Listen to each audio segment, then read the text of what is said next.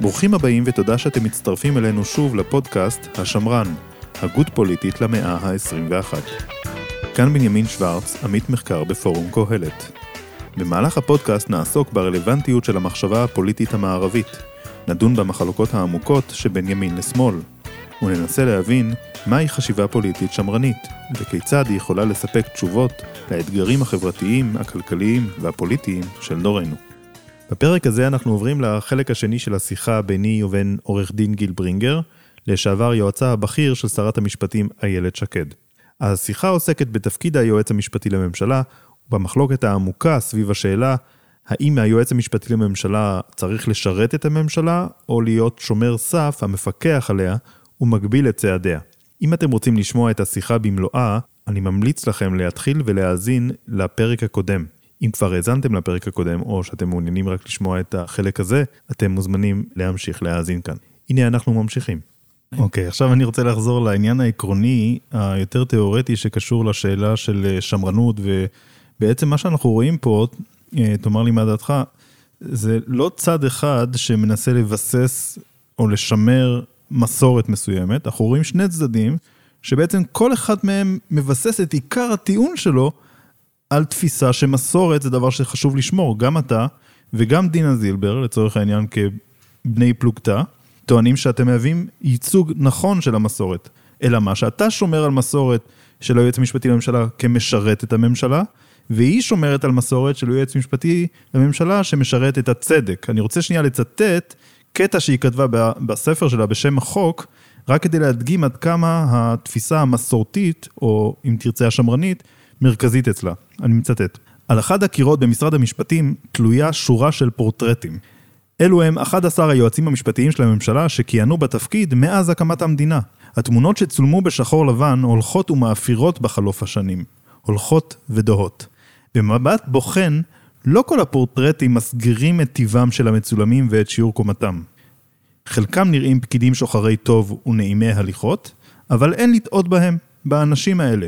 כל אחד מהם ברגע נתון קם על רגליו ואמר לראשי השלטון, עד כאן. הרגעים האלה שבהם התרחש העימות בין היועצים המשפטיים לממשלה ובין הדרגים הפוליטיים שמינו אותם לתפקיד, היו רגעים מכוננים בתולדות המדינה. כאן אני פוסח קצת על דבריה של זילבר, כל אחד מהם אחראי באופן ישיר לכך שהזרוע המבצעת ערכה היכרות עם מגבלות כוחה, מכך נגזר שישראל היא מדינת חוק. סוף ציטוט. וכדוגמה אחת ליועצים המשפטיים ולאופן שבו הם נעמדו מול הממשלה, אה, שמעתי אותך מדבר בכנס השמרנות למשל על חיים כהן, שהחליט אה, בעצם שלא לאכוף איסור אה, בחוק על משכב זכר. אז אני מניח שהיא מתייחסת לדברים האלה והיא רואה בהם בעצם מהלך ארוך של מסורת שמתפתחת שחשוב לשמור עליה, אז בעצם השאלה שלי זה, האם פירושו של דבר שבמישור העקרוני, מבחינת חשיבות השמירה על המסורת, שניכם שמרנים. רק יש לכם ויכוח, מהי המסורת? תשתדל לא להשתמש במילים חריפות, אבל אתה יודע, תוך כדי שאתה מדבר, חשבתי על זה ש... אה, תדמיין לעצמך את הסיטואציה הזו, אתה בבית משפט, אה, יש כתב אישום שהוגש כנגד אה, מי שגנב, והשופט אומר לו, תשמע, יש חוק בישראל, החוק אוסר על עבירת הגניבה. והגנב אומר לו, כן, אבל תשמע, אני לא הגנב הראשון, יש לנו מסורת ארוכה מאוד של גנבים לאורך השנים. אתה, מאיפה באת לי פתאום? אני גנבתי, אבותיי גנבו, חבריי גונבים. זה לא טיעון משכנע. זאת אומרת, המאמר שלי אומר, יש פה איזשהו ניסיון לייצר מיתוס, לדבר mm. בשמו של מיתוס. אבל כל היועצים המשפטיים בעיניך... לא, לא, לא, ממש לא כל היועצים המשפטיים. אוקיי. אני הבאתי אגב דוגמאות, חוץ מהאוזנר הבאתי גם אה, דוגמאות ליועצים משפטיים נוספים, ציטטתי אותם בתוך, ה, בתוך המאמר, אה, המחטף השקט, יועצים משפטיים שהתייחסו ודיברו על, ועכשיו אני מצטט, עיוות חוקתי. אנחנו מדברים על הלכת פנחסי, אולי נגיע אליה בהמשך, אבל דיברו על מה שקרה שם, ודיברו על עיוות חוקתי. זאת אומרת, לא יכול להיות שהיועץ המשפטי לממשלה מתייצב כנגד הממשלה, כפי שקרה בתיק של פנחסי, כאשר חריש, היועץ המשפטי לממשלה חריש, mm-hmm. התייצב כנגד ראש הממשלה יצחק רבין ז"ל. אה, היועץ המשפטי לשעבר התייחס לזה ואמר, מדובר בעיוות חוקתי. אז יש לנו קודם כל תפיסות שונות בתוך היועצים המשפטיים. לא כל היועצים המשפטיים, למרות התיאור המאוד יפה של הדיוקנאות אה, שדינה זילבר אה, מדברת עליו, לא כל היועצים המשפטיים היו כאלה. אפילו... בעיקר היועצים, המשפ... היועצים המשפטיים שהיו כאלה הם בעיקר שמגר, ברק ואלה שבאו אחר כך. חיים כהן, חיים כהן הוא איזושהי דוגמה יוצא דופן לעניין הזה, נדבר על זה, זה באמת בהקשרים הרבה יותר פליליים, ששם אני mm. הרבה יותר נוח לי לקבל את הגרסה הזאת, שבמשפט הפלילי זה לא עניין של דמוקרטיה, אנחנו לא נעשה הצבעה בממשלה ונשאל להגיש כתב אישום, לא להגיש כתב אישום. אנחנו לא מדברים על העניינים הפליל, הפליליים. אני אמרתי גם, בוועדת אגרנט היו חמש שאלות. ארבע מהן עסקו בעניינים הפליליים, ואחת נכון. עסקה בשאלות מנהליות. מי מייצג את מי? מי אחראי על האינטרס הציבורי? האם לממשלה מותר לסטות מחוות דעת משפטית, כן או לא? היועצים המשפטיים, עד העת הבסך הכל אחרונה, בוודאי עד שנות ה-90, לא החזיקו בעמדות שדינה זילבר מחזיקה בהן היום, אבל אני חושב שגם במאמר עצמו ציטטתי גם מתוך uh, המאמר של אסנת מנדל, uh, שהייתה uh, מנהלת מחלקת הבג"צים, גם היא אומרת, נעשה פה שינוי.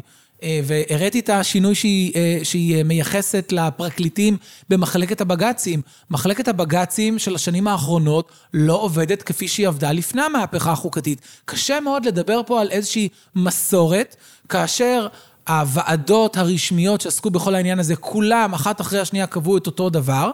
וזילבר או, או גוטמן מדברים פה על מסורת במובן הזה שלאורך השנים, ואני מסכים איתם בעניין הזה, כל הזמן היה ניסיון לייצר עוד מחטף ועוד mm-hmm. מחטף, עוד מחטף ועוד מחטף. Mm-hmm. לאורך השנים, אנשים כמו זילבר או דומיה ביקשו לקחת את כל המחטפים האלה, לארוז את זה באיזשהו צלופן יפה, ולומר, הנה בבקשה, התפתחה פה מסורת. שנים כבר שאנחנו יוצאים נגדכם, הדרג המדיני, הדרג הנבחר. מה עכשיו נזכרתם לומר שאתם פועלים בשם מסורת?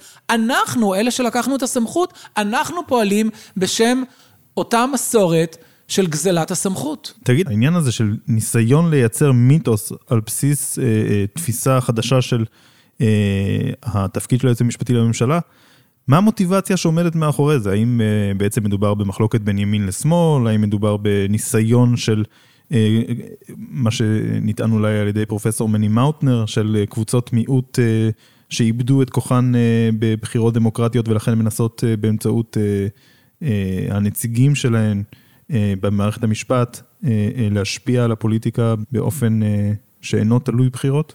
אני לא יודע אם זה קשור לימין ושמאל. האמת שאני, כל פעם כשאני נשאל את השאלה הזאת, אז אני נמנע מלומר שזה קשור בימין ושמאל. אני מניח שיש אנשים שזה גם במקרה מתיישב להם על איזושהי תפיסה ימנית או שמאלית. אני רק רוצה להזכיר לך שהיו יועצים משפטיים שגם בלמו יוזמות של, אה, אה, לצורך העניין של רבין, כשהוא גרש את החמאסניקים.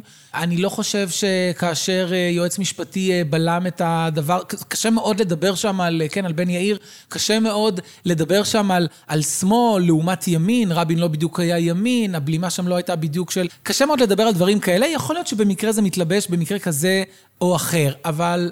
ואותו דבר לגבי מני מאוטנר. אני חושב שבסוף יש איזשהו רובד יותר עמוק ויותר בסיסי לדבר הזה, והרובד הזה, אה, בסוף כשאתה בוחן אותו, אז אתה יכול ללכת גם 200 שנה אחורה. אתה יכול ללכת לז'אן ז'אק רוסו, אה, אתה יכול ללכת לביקורת של יעקב טלמון, אתה יכול ללכת לאבינרי על, ה, על הכתיבה של רוסו, ולהבין שיש מחוזות שכשהדמוקרטיה מגיעה עד אליהם, אז אנחנו כבר רואים ניצנים של טוטליטריות. זאת אומרת, יש טוטליטריות דמוקרטית, יש אה, דמוקרטיה טוטליטרית. יש זו, מקומות... זו הטענה שנטענת נגדך. אה, אני עוד לא שמעתי אותה. אה, אני שומע שאומרים הרבה פעמים על התפיסה השמרנית, שהיא תפיסה של דמוקרטיה פורמלית, דמוקרטיה צורנית, דמוקרטיה פרוצדורלית, אם תרצה נרחיב על זה. אני אומר דבר הפוך. אני חושב שכאשר אתה משכלל את הדמוקרטיה, דווקא לאותם המחוזות שאנחנו קוראים להם דמוקרטיה, או השמאל קורא להם דמוקרטיה מהותית, אין לי מושג מה מהותי בהם יותר מאשר יום הבוחר, שהדמוקרטיה המהותית הרבה פעמים מבטלת אותו. אבל נאמר ויש דבר כזה אי שם שנקרא דמוקרטיה מהותית. אני חושב, כמו טלמון, כמו אבינרי, בניגוד לרוסו, שכאשר אתה משכלל את אותה דמוקרטיה מהותית, לא פעם אתה מגיע לניצנים של טוטליטריות. למה הכוונה? רוסו מדבר על שני מושגים. הוא מדבר על רצון הכלל לעומת הרצון הכללי. רצון הכלל זה כשאתה בוחן מה הכלל, מה אזרחי המדינה, במקרה שלנו ישראל, מעוניינים לעשות, מה האינטרס הכללי שלהם, לאן הם היו רוצים להוביל את המדינה הזו. זה רצון הכלל. אבל יש דבר אחר, הרצון הכללי. רוסו מדבר על הרצון הכללי, והוא אומר, הרצון הכללי גובר על רצון הכלל.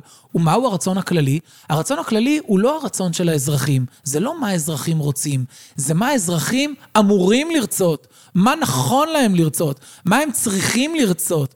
ואני חושב שהרבה פעמים יש לנו, אנחנו נתקלים פה בשכבה של פקידות שאומרת, אוקיי, אז ביטן ואמסלם, בלא מעט שמץ של התנשאות אגב, הם אומרים את זה, mm-hmm. אוקיי, הם מייצגים אולי איזושהי תפיסה עממית, קצת עממיקו כזה, מה הציבור ביום הבחירות רצה.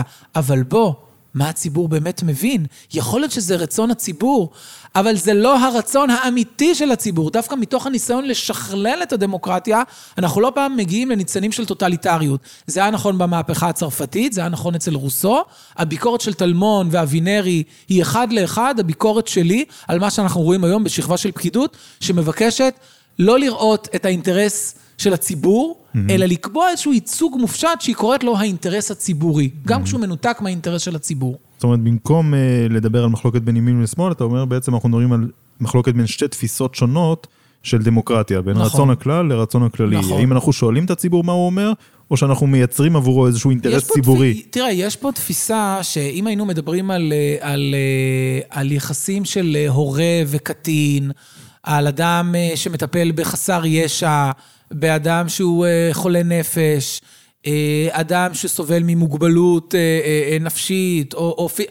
אלה המקומות שאנחנו באמת לא צריכים לדבר על רצונות, אנחנו צריכים לדבר בהם על צרכים. אבל mm-hmm. תשים לב שאנחנו עברנו למודל של אפוטרופסות. כן. אני לא רוצה לחיות במדינה שהמודל שלה הוא מודל של אפוטרופסות. נכון. אני רוצה לחיות במדינה דמוקרטית, אני רוצה להיות במדינה שלא מתייחסים רק לצרכים שלי, כן. אלא גם מתייחסים לרצונות שלי. לגמרי. עכשיו, אם נתקדם קצת, אתה מתאר במאמר סיפור שהוא בעיניי נורא ואיום. מצד אחד, ממשלת אולמרט החליטה אה, לקבל את דעתו של שר המשפטים דאז דניאל פרידמן, אה, להסיר לחלוטין את הביטוי שומר סף שוועדת אברמוביץ' ביקשה לקדם. רק למי שלא יודע, ועדת אברמוביץ' זה צוות אה, בין-משרדי שהוקם לבחינת מערך הייעוץ המשפטי למשרדי הממשלה, שמי שעמד בראשו הוא מנכ"ל משרד החוץ אה, דאז אהרון אברמוביץ'. אבל אה, חצי שנה לאחר אה, אה, החלטת הממשלה להסיר את הביטוי שומר הסף, שהוא ביטוי שהוא ציר חשוב במאמר, אתה מביא הנחיה של היועץ המשפטי, אני חושב שזה היה מני מזוז. כן, זה היה מני מזוז. להחזיר את הביטוי הזה, תוך הסתמכות על אותה החלטת ממשלה שבעצם עשתה בדיוק להפך. זאת אומרת, היועץ המשפטי מנחה שהיועץ המשפטי לממשלה הוא שומר סף, הוא מסתמך על החלטת ממשלה שדחתה בדיוק את הרעיון הזה. אז זאת אומרת, האם יש לנו פה תופעה של משבר חוקתי שבה יועץ המשפטי לממשלה הוא פקיד שלמעשה נקרא בין שתי רשויות, מצד אחד הרשות השופטת שמרוממת אותו, מרוממת את התפקיד שלו, כמו שאנחנו רואים בדברים שהבאת למשל אה, מוועדת אה, שמגר, או מדברים של פסק אה, דין של בית המשפט העליון של אהרן ברק. ניסיון לרומם את התפקיד ואת המקום ואת הסמכות ליועץ המשפטי לממשלה, מצד אחד, ומצד שני, יועץ משפטי שעומד מול שרי הממשלה שרואים בו, או מנסים לפחות אה, להתייחס אליו כאל מי שיעזור להם לבצע את המשימה שלהם. רק אה, לחדד פשוט אה, כדי שההיסטוריה לא תשפוט את מזוז, ההיסטוריה צריכה לשפוט את מייק בלאס. מייק בלאס הוא המשנה ליועץ המשפטי לממשלה באותה תקופה, וההנחיה של מזוז היא כמובן ההנחיה של מזוז, היא ההנחיה של היועץ המשפטי לממשלה. מה שמייק בלאס עושה, ואני מביא את זה במאמר שלי, וכדאי לראות את הדברים בפנים, זה שהוא מפנה להנחיית היועץ המשפטי לממשלה דאז מזוז, ואומר להם, ההנחיה מיישרת קו עם החלטת הממשלה, שזה, כפי שאני ציינתי במאמר, ועשיתי את זה בצורה מאוד מאוד עדינה, וגם כאן אני אתן את ה understatement של, אה, של 2019, קראתי לזה במרחב שבין טעות להטעיה. זה כדי שלא לומר מילים חריפות יותר. אה, כי מייק בלאס יודע שזה לא מה שנאמר בהחלטה של הממשלה. ואף על פי כן הוא מרשה לעצמו. ואף על פי כן נכתב שם על ידי מייק בלאס, במכתב שיוצא לכלל הייעוץ המשפטי לממשלה, זה נאמן להחלטת הממשלה, ברוח החלטת הממשלה וכו' וכו' וכו'. עכשיו, צריך להבין, זה לא שהחלטת הממשלה ניתנת לפרשנות כזו או אחרת, מכיוון שהזכרתי, הייתה את ועדת אגרנט ב-62, אחרי זה הייתה את ועדת שמגר בסוף שנות ה-90, ועדת אברמוביץ' יושבת בעשור הקודם, לקראת סוף העשור הקודם, ומקבלת אה, אה, איזושהי החלטה ביחס למוסד היועץ המשפטי לממשלה, איך אנחנו צריכים אה, לעצב אותו, ושם היא כן, אני לא יודע אם זה היה בדחיפה של מייק בלס, שהוא היה חבר בוועדה או לא, אין לי מידע, אני יכול רק לנחש, אבל שם היא כן מנסה לדחוף לראשונה את הביטוי שומר סף. שר המשפטים, כחלק מהסמכות של היועצים המשפטיים לממשלה. שר המשפטים דאז, הפרופסור דניאל פרידמן, מזהה מיד את הבעיה, אני חושב שכל מי שאיתו גם כן מזהה את הבעיה, ואז הוא אומר את הדברים הבאים, ותרשה לי, אה, אה, אני אצטט אותם. בבקשה. הוא אומר כך, הוא אומר, האמירה אשר לפיה על היועץ המשפטי לשמש במרכאות שומר סף, מדגישה את תפקידו כבלם. כאילו הממשלה ושריה ואולי עובדים נוספים במשרד צפויים בכל רגע לעבור על החוק, בבחינת לפתח חטאת רובץ. הביטוי, כן, זה נאמר שם באזור של קין. אה, הביטוי שומר סף, אני חזרתי לצטט, הוא אכן נפוץ בהקשר הזה, אולם הוא מעביר את הדגש לתפקיד הבלם. הוא מעמיד בצל את תפקידו המרכזי של היועץ, היינו לקדם ביעילות את מדיניות המשרד בהתאם לחוק.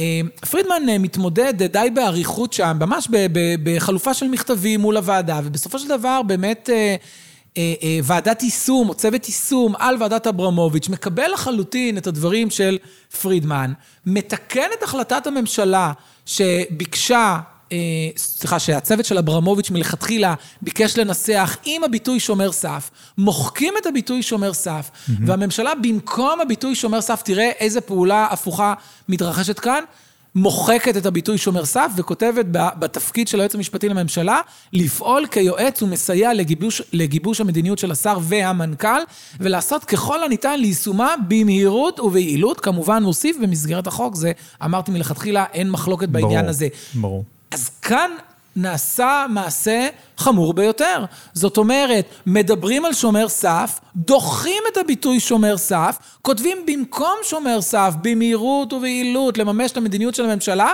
ואז בהנחיית היועץ מני מזוז, שדבר לא נפל בה, כותב מייק בלס, שימו לב, כשמני מזוז, היועץ המשפטי לממשלה, כותב שומר סף, זה בעצם מה שהממשלה קבעה בעקבות ועדת אברמוביץ'. לא, זה לא. זה ממש לא מה שהממשלה קבעה בוועדת אברמוביץ'. לא יכול להיות לך דבר רחוק מזה, זה, זה דבר שהוא רחוק כרחוק מזרח ממערב.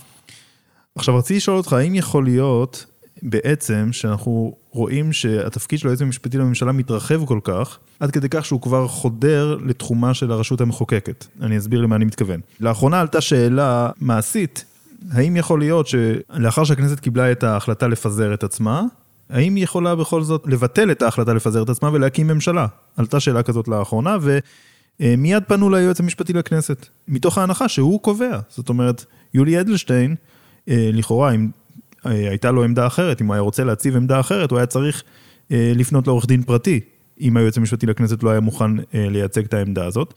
אבל לפי סעיף 17 בחוק הכנסת, אני מצטט, רשאי הוא, זאת אומרת היועץ המשפטי לכנסת רשאי, בהסכמת היועץ המשפטי לממשלה, לבקש כי הכנסת תיוצג על ידי פרקליטות המדינה, או לייפות את כוחו של עורך דין אחר לייצג את הכנסת. זאת אומרת, שבעצם היועץ המשפטי לממשלה חולש גם על הרשות המחוקקת, כי הוא זה שיקבע בעצם האם היועץ המשפטי לכנסת יכול לאשר ליושב ראש הכנסת לקחת עורך דין פרטי כדי לייצג את, את עמדתו ולהגן עליה בפני בג"ץ. קודם כל, זו סוגיה אה, מאוד אה, סבוכה, הסוגיה הזו. אני יכול לומר לך שהיסטורית, אה, התפקיד היועץ המשפטי לממשלה חלש על הרבה יותר גם בתוך הרשות המחוקקת. Mm. רק בשנים האחרונות, בעצם מאז שהוקם המערך הגדול של, של הלשכה המשפטית בכנסת, מערך הייעוץ המשפטי לכנסת, שהיום הוא תחת עורך הדין אייל ינון, רק אז בעצם התחילה להיווצר איזושהי הפרדה בין הייעוץ המשפטי לכנסת והייעוץ המשפטי mm. לממשלה. כשמרן, אם אנחנו עוסקים בו בסוגיות שמרניות, אני מאוד בעד ההפרדה הזו. אני חושב שצריכות להיות רשויות נפרדות, הן צריכות להיות אה, מיוצגות על ידי עורכי דין שונים. אני חושב שעורכי הדין צריכים לייצג אותם באופן אותנטי כמובן, mm-hmm. אבל לא יוכל להיות, לא תוכל להיות הפרדה מלאה בין הרשויות אם לא יהיה ייצוג אותנטי אה, מיוחד לכל אחת מהרשויות. לא יכול להיות שהיועץ המשפטי לממשלה מייצג גם את האינטרסים של רשות אחרת לכנסת. הוא יועץ משפטי לממשלה, הוא לא יועץ משפטי לכנסת. Mm-hmm. על הדרך צריך לוודא שהיועץ המשפטי לממשלה הוא אכן היועץ mm-hmm. המשפטי לממשלה, ולא הקובע המשפטי לממשלה, וגם שהיועץ המשפטי לכנסת הוא עדיין היועץ המשפטי לכנסת. לאורך השנים, בשנים האחרונות, או עד לאחרונה,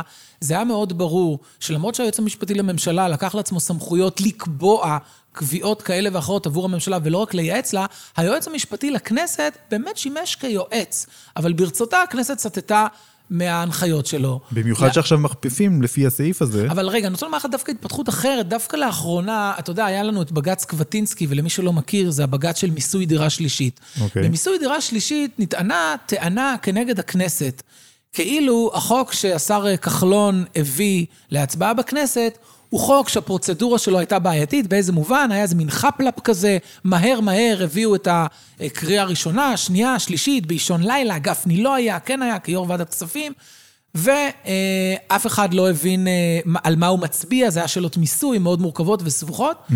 ואייל ינון, היועץ המשפטי לכנסת, באמת אה, אה, בעמדה שלו לבית המשפט העליון, הביע את הבעיה הקשה שהייתה בפרוצדורה. בית המשפט העליון, בדעת רוב של השופט, דווקא של השופט סולברג, שהוא בדרך כלל נתפס כשיא השמרנים, או אני יודע, אה, עד לאחרונה לפחות, אה, ומול דעת מיעוט של מני מזוז, בעצם נותן מעמד מאוד משמעותי לתפקיד היועץ המשפטי לכנסת. ואנחנו כן רואים תופעה שבה מעמד היועץ המשפטי לכנסת מתחיל להידמות אט-אט למעמד היועץ המשפטי לממשלה. עכשיו, הוא עדיין שונה. עדיין, אה, אני יכול לומר לך שהיועץ המשפטי לכנסת, בין השאר, יכול להחליט אם הוא מאריך את הכהונה שלו בעוד כמה שנים, לא מאריך את הכהונה לא, שלו בעוד כמה שנים. הוא ממילא מייצר, הוא, הוא, זה, הוא נבחר... זה כפוף להחלטה של הכנסת, של יושב ראש הכנסת. הוא נבחר בוועדת איתור, שמי שמכנס אותה הוא יושב ראש הכנסת. יושב ראש הכנסת יכול להחליט שהוא מאריך או לא מאריך. רק עצם היחסים האלה, כבר, כפי שניתן אגב לאחרונה רק בחוק היועמ"שים, רק עצם היחסים האלה כבר מייצרים איזשהם יחסים של תלות, ויש הרבה מאוד יחסים של תלות בין יועץ משפטי לכנסת לבין הכנסת עצמה. אגב, אני חושב שהם יחסים לא רעים בכלל. Mm-hmm. אבל בצד זה, אני רואה כן מהלך שבו אט-אט הוא צובר לעצמו סמכויות עצמאיות. אני חושב שהכנסת... צריכה לסמן קו אדום בעניינים כאלה ואחרים, ואם... למשל, היא... למשל להגיד uh, שלכנסת יש את הזכות המלאה, בלי אישור של היועץ המשפטי לכנסת, כן, לייצג את עצמם בעורך דין פרטי. לדוגמה, אם יושב ראש הכנסת לא מקבל את חוות דעתו, אם, אני לא יודע, אם, אם הוא לא מקבל את עמדת היועץ המשפטי לכנסת, בוודאי שישלח אה, אה, נציג אחר, שייקח עורך דין... צריך לשנות את זה בחוק. כי החוק, כמו שציטטתי לך, אומר שבעצם היועץ המשפטי לכנסת, אפילו הוא עצמו כבול לכך, אלא אם כן יש לו אישור של היועץ המשפטי לממשלה. אתה צודק בעניין הזה, אה, אבל אני מזכיר לך שהכנסת, בין שאר הדברים שהיא עושה, היא לא רק מייצגת את עצמה בבית המשפט, היא גם מחוקקת את החוקים. אז שתתכבד ותשנה את החוק בהקשר הזה. יפה מאוד. אנחנו תיארנו אה, התפתחות של אה, תפקיד היועץ המשפטי לממשלה כתפקיד שהולך אה, ומתחזק, ושההשפעה שלו הולכת אה, וגוברת. מה אנחנו צפויים לראות בעניין הזה בעתיד הקרוב? איפה יהיו האתגרים, או איפה יהיו המקומות שבהם אנחנו נוכל לבחון האם אה, התהליך הזה מתקדם הלאה, או קצת אה, נסוג לאחור? אז האמת שבעניין הזה לא צריך להיות נביא, אה, ואפילו לא שוטה, מכיוון שבמרץ של שנה שעברה, במרץ 18, יצאה הנחיה של היועץ המשפטי לממשלה. ההנחיה הזו היא די מדהימה, והיא די מדהימה במובן הזה, ההנחיה הזאת אגב, צורף לה גם מדריך חקיקה לאנשי ייעוץ וחקיקה. ההנחיה הזו היא די מדהימה, אה, מכיוון שהיא מייצרת, אה, שוב, יחסים חדשים בין הממשלה לבין היועץ המשפטי לממשלה. ההנחיה הקודמת, שעסקה בענייני חקיקה ממשלתית ויחסים שבין ייעוץ משפטי לממשלה, הייתה הנחיה משנות ה-60. היא הייתה בתוקף הרבה מאוד שנים, עד שהיועץ המשפטי לממשלה דאז, אליקים רובינשטיין, אה, ביטל אותה והפך אותה להנחיה היסטורית. מאז היו הרבה מאוד פרקטיקות, אבל לא הייתה הנחיה אה, מטעם היועץ שהייתה בתוקף. במרץ 18 יוצאת הנחיה חדשה, והיא קובעת כמה עניינים באמת מדהימים. אני אתן כמה דוגמאות אה, קלות לעניין הזה. אה, היא בין השאר קובעת שהיועץ המשפטי לממשלה יכול למנוע מהממשלה להעלות נושא לסדר היום בוועדת שרים לחקיקה. זאת אומרת, אם לדעת היועץ המשפטי לממשלה, חוק מסוים הוא אינו חוקתי, הוא לא רק כמו במאמר שלי, אומר לה, וגם זה בסטייה חמורה מבחינתי למסורת שהייתה לנו, הוא לא רק אומר לה, אני לא אייצג אותך בבית משפט, הוא יאמר לה הרבה יותר מזה, את לא תעלי את זה, אתם לא תדונו בזה בוועדת שרים לחקיקה. אתם אפילו לא תעלו ואולי תאזנו, או תעדנו, או תשנו, או תסרסו, או משהו. אתם פשוט לא תעלו את זה עד שלא יהיה הסכמה ממני. יותר מכך, היועץ המשפטי לממשלה קובע בהנחיה הזו שהוא יכול למנוע מהממשלה לדון בחוקים שנוגדים לדעתו את עקרונות היסוד של השיטה. עכשיו צריך להבין, מה זה עקרונות היסוד של השיטה? עקרונות היסוד של השיטה זה עקרונות שלא מופיעים בשום מקום. Mm-hmm. אין איזה עקרונות יסוד שתלמיד למשפטים או עורך דין מדופלם, שבע ימים... כבוד ידע... האדם וחירותו, חופש העיסוק. לא, לא, לא, אז, לא אז, כבוד, אז אלה זכויות... זכויות יסוד, אלה זכויות שמעוגנות בחוקי היסוד. כשאנחנו מדברים על עקרונות יסוד, mm. אנחנו בעצם מדברים על עקרונות היסוד של השיטה. מה שזמיר, אגב, בהקשרים אחרים, זמיר שהוא, אני לא חושב שהוא יחתום על, על אף מילה מהדברים שאמרתי לך בשיחה שלנו היום, זמיר עצמו, כשהייתה, כשהיה איזשהו ניסיון לייצר סמכות מפורשת לבית המשפט, לפסול חוקים מכוח זה שהם אה, עומדים בסתירה עם עקרונות היסוד של השיטה, זמיר אה, אה, לעג לזה. הוא אמר שמדובר באבסורד. Mm-hmm.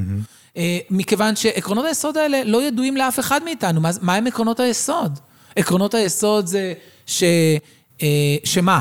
שאנחנו, חשוב לנו פה להיות ארץ התנ"ך? זה, זה עקרונות היסוד. עקרונות היסוד שאנחנו מדינה מאוד ליברלית, האם זה עקרון היסוד שלנו? עקרונות היסוד הם לא ברורים, אנחנו יודעים מה זה זכויות יסוד. לפסול חוקים מכוח עקרונות היסוד, צריך להבין שהמשמעות היא לא, לא רק, לפסול, לא רק לפסול חוקים מכוח דברים שלא מופיעים בשום מקום ולא מעוגנים בשום מקום, והם די לפי השקפת עולמו המאוד מאוד מסוימת של השופט. זה בעצם כוח לפסול גם חוקי יסוד. כי תראה מה קורה כרגע. כרגע יש עתירות כנגד חוק יסוד הלאום. חוק יסוד הלאום, טוענים עליו שצריך לפסול אותו. מכוח מה רוצים לפסול אותו? מכוח פסקאות ההגבלה שמגבילות חקיקה רגילה? ודאי שלא, מכיוון שמדובר בחוק יסוד. מכוח מה רוצים לפסול אותו? מכוח זה שהוא אולי, כן או לא, נוגד את עקרונות היסוד של השיטה.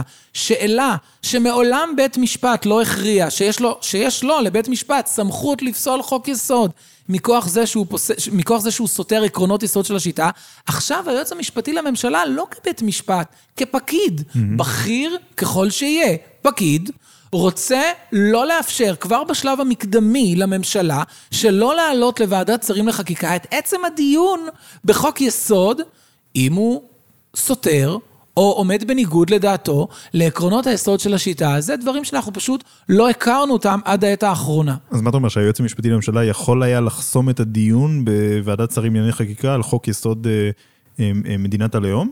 זה, א', ברור שכן. ב', לא במקרה החוקים האלה עברו כהצעות חוק פרטיות. אה, מכיוון שהיועץ, הוא קובע את הדין לממשלה, אבל הוא לא קובע את הדין לכנסת, מכיוון שמדובר ברשות אחרת. אה, גם חוק ההסדרה, גם חוק יסוד הלאום, לא במקרה עברו כהצעות חוק פרטיות, למרות הנזקים, וצריך לומר, יש נזקים, כאשר אתה מעביר הצעות חוק מורכבות כהצעת חוק פרטית לא מאוזנת, אז יש נזקים. אבל אנחנו עכשיו הולכים לשדה הזה של הנזקים, מכיוון שהממשלה חוששת שאם היא תביא את העניינים האלה כיוזמות ממשלתיות, היועץ המשפטי לממשלה יוכל לומר לה, את לא מעלה את זה אפילו לדיון. אני אומר לך, כן, זה כבר הדברים שהיו במרץ 18, ואנחנו בקרוב אה, אה, ניווכח אם הניתוח שלי הוא, הוא נכון או לא.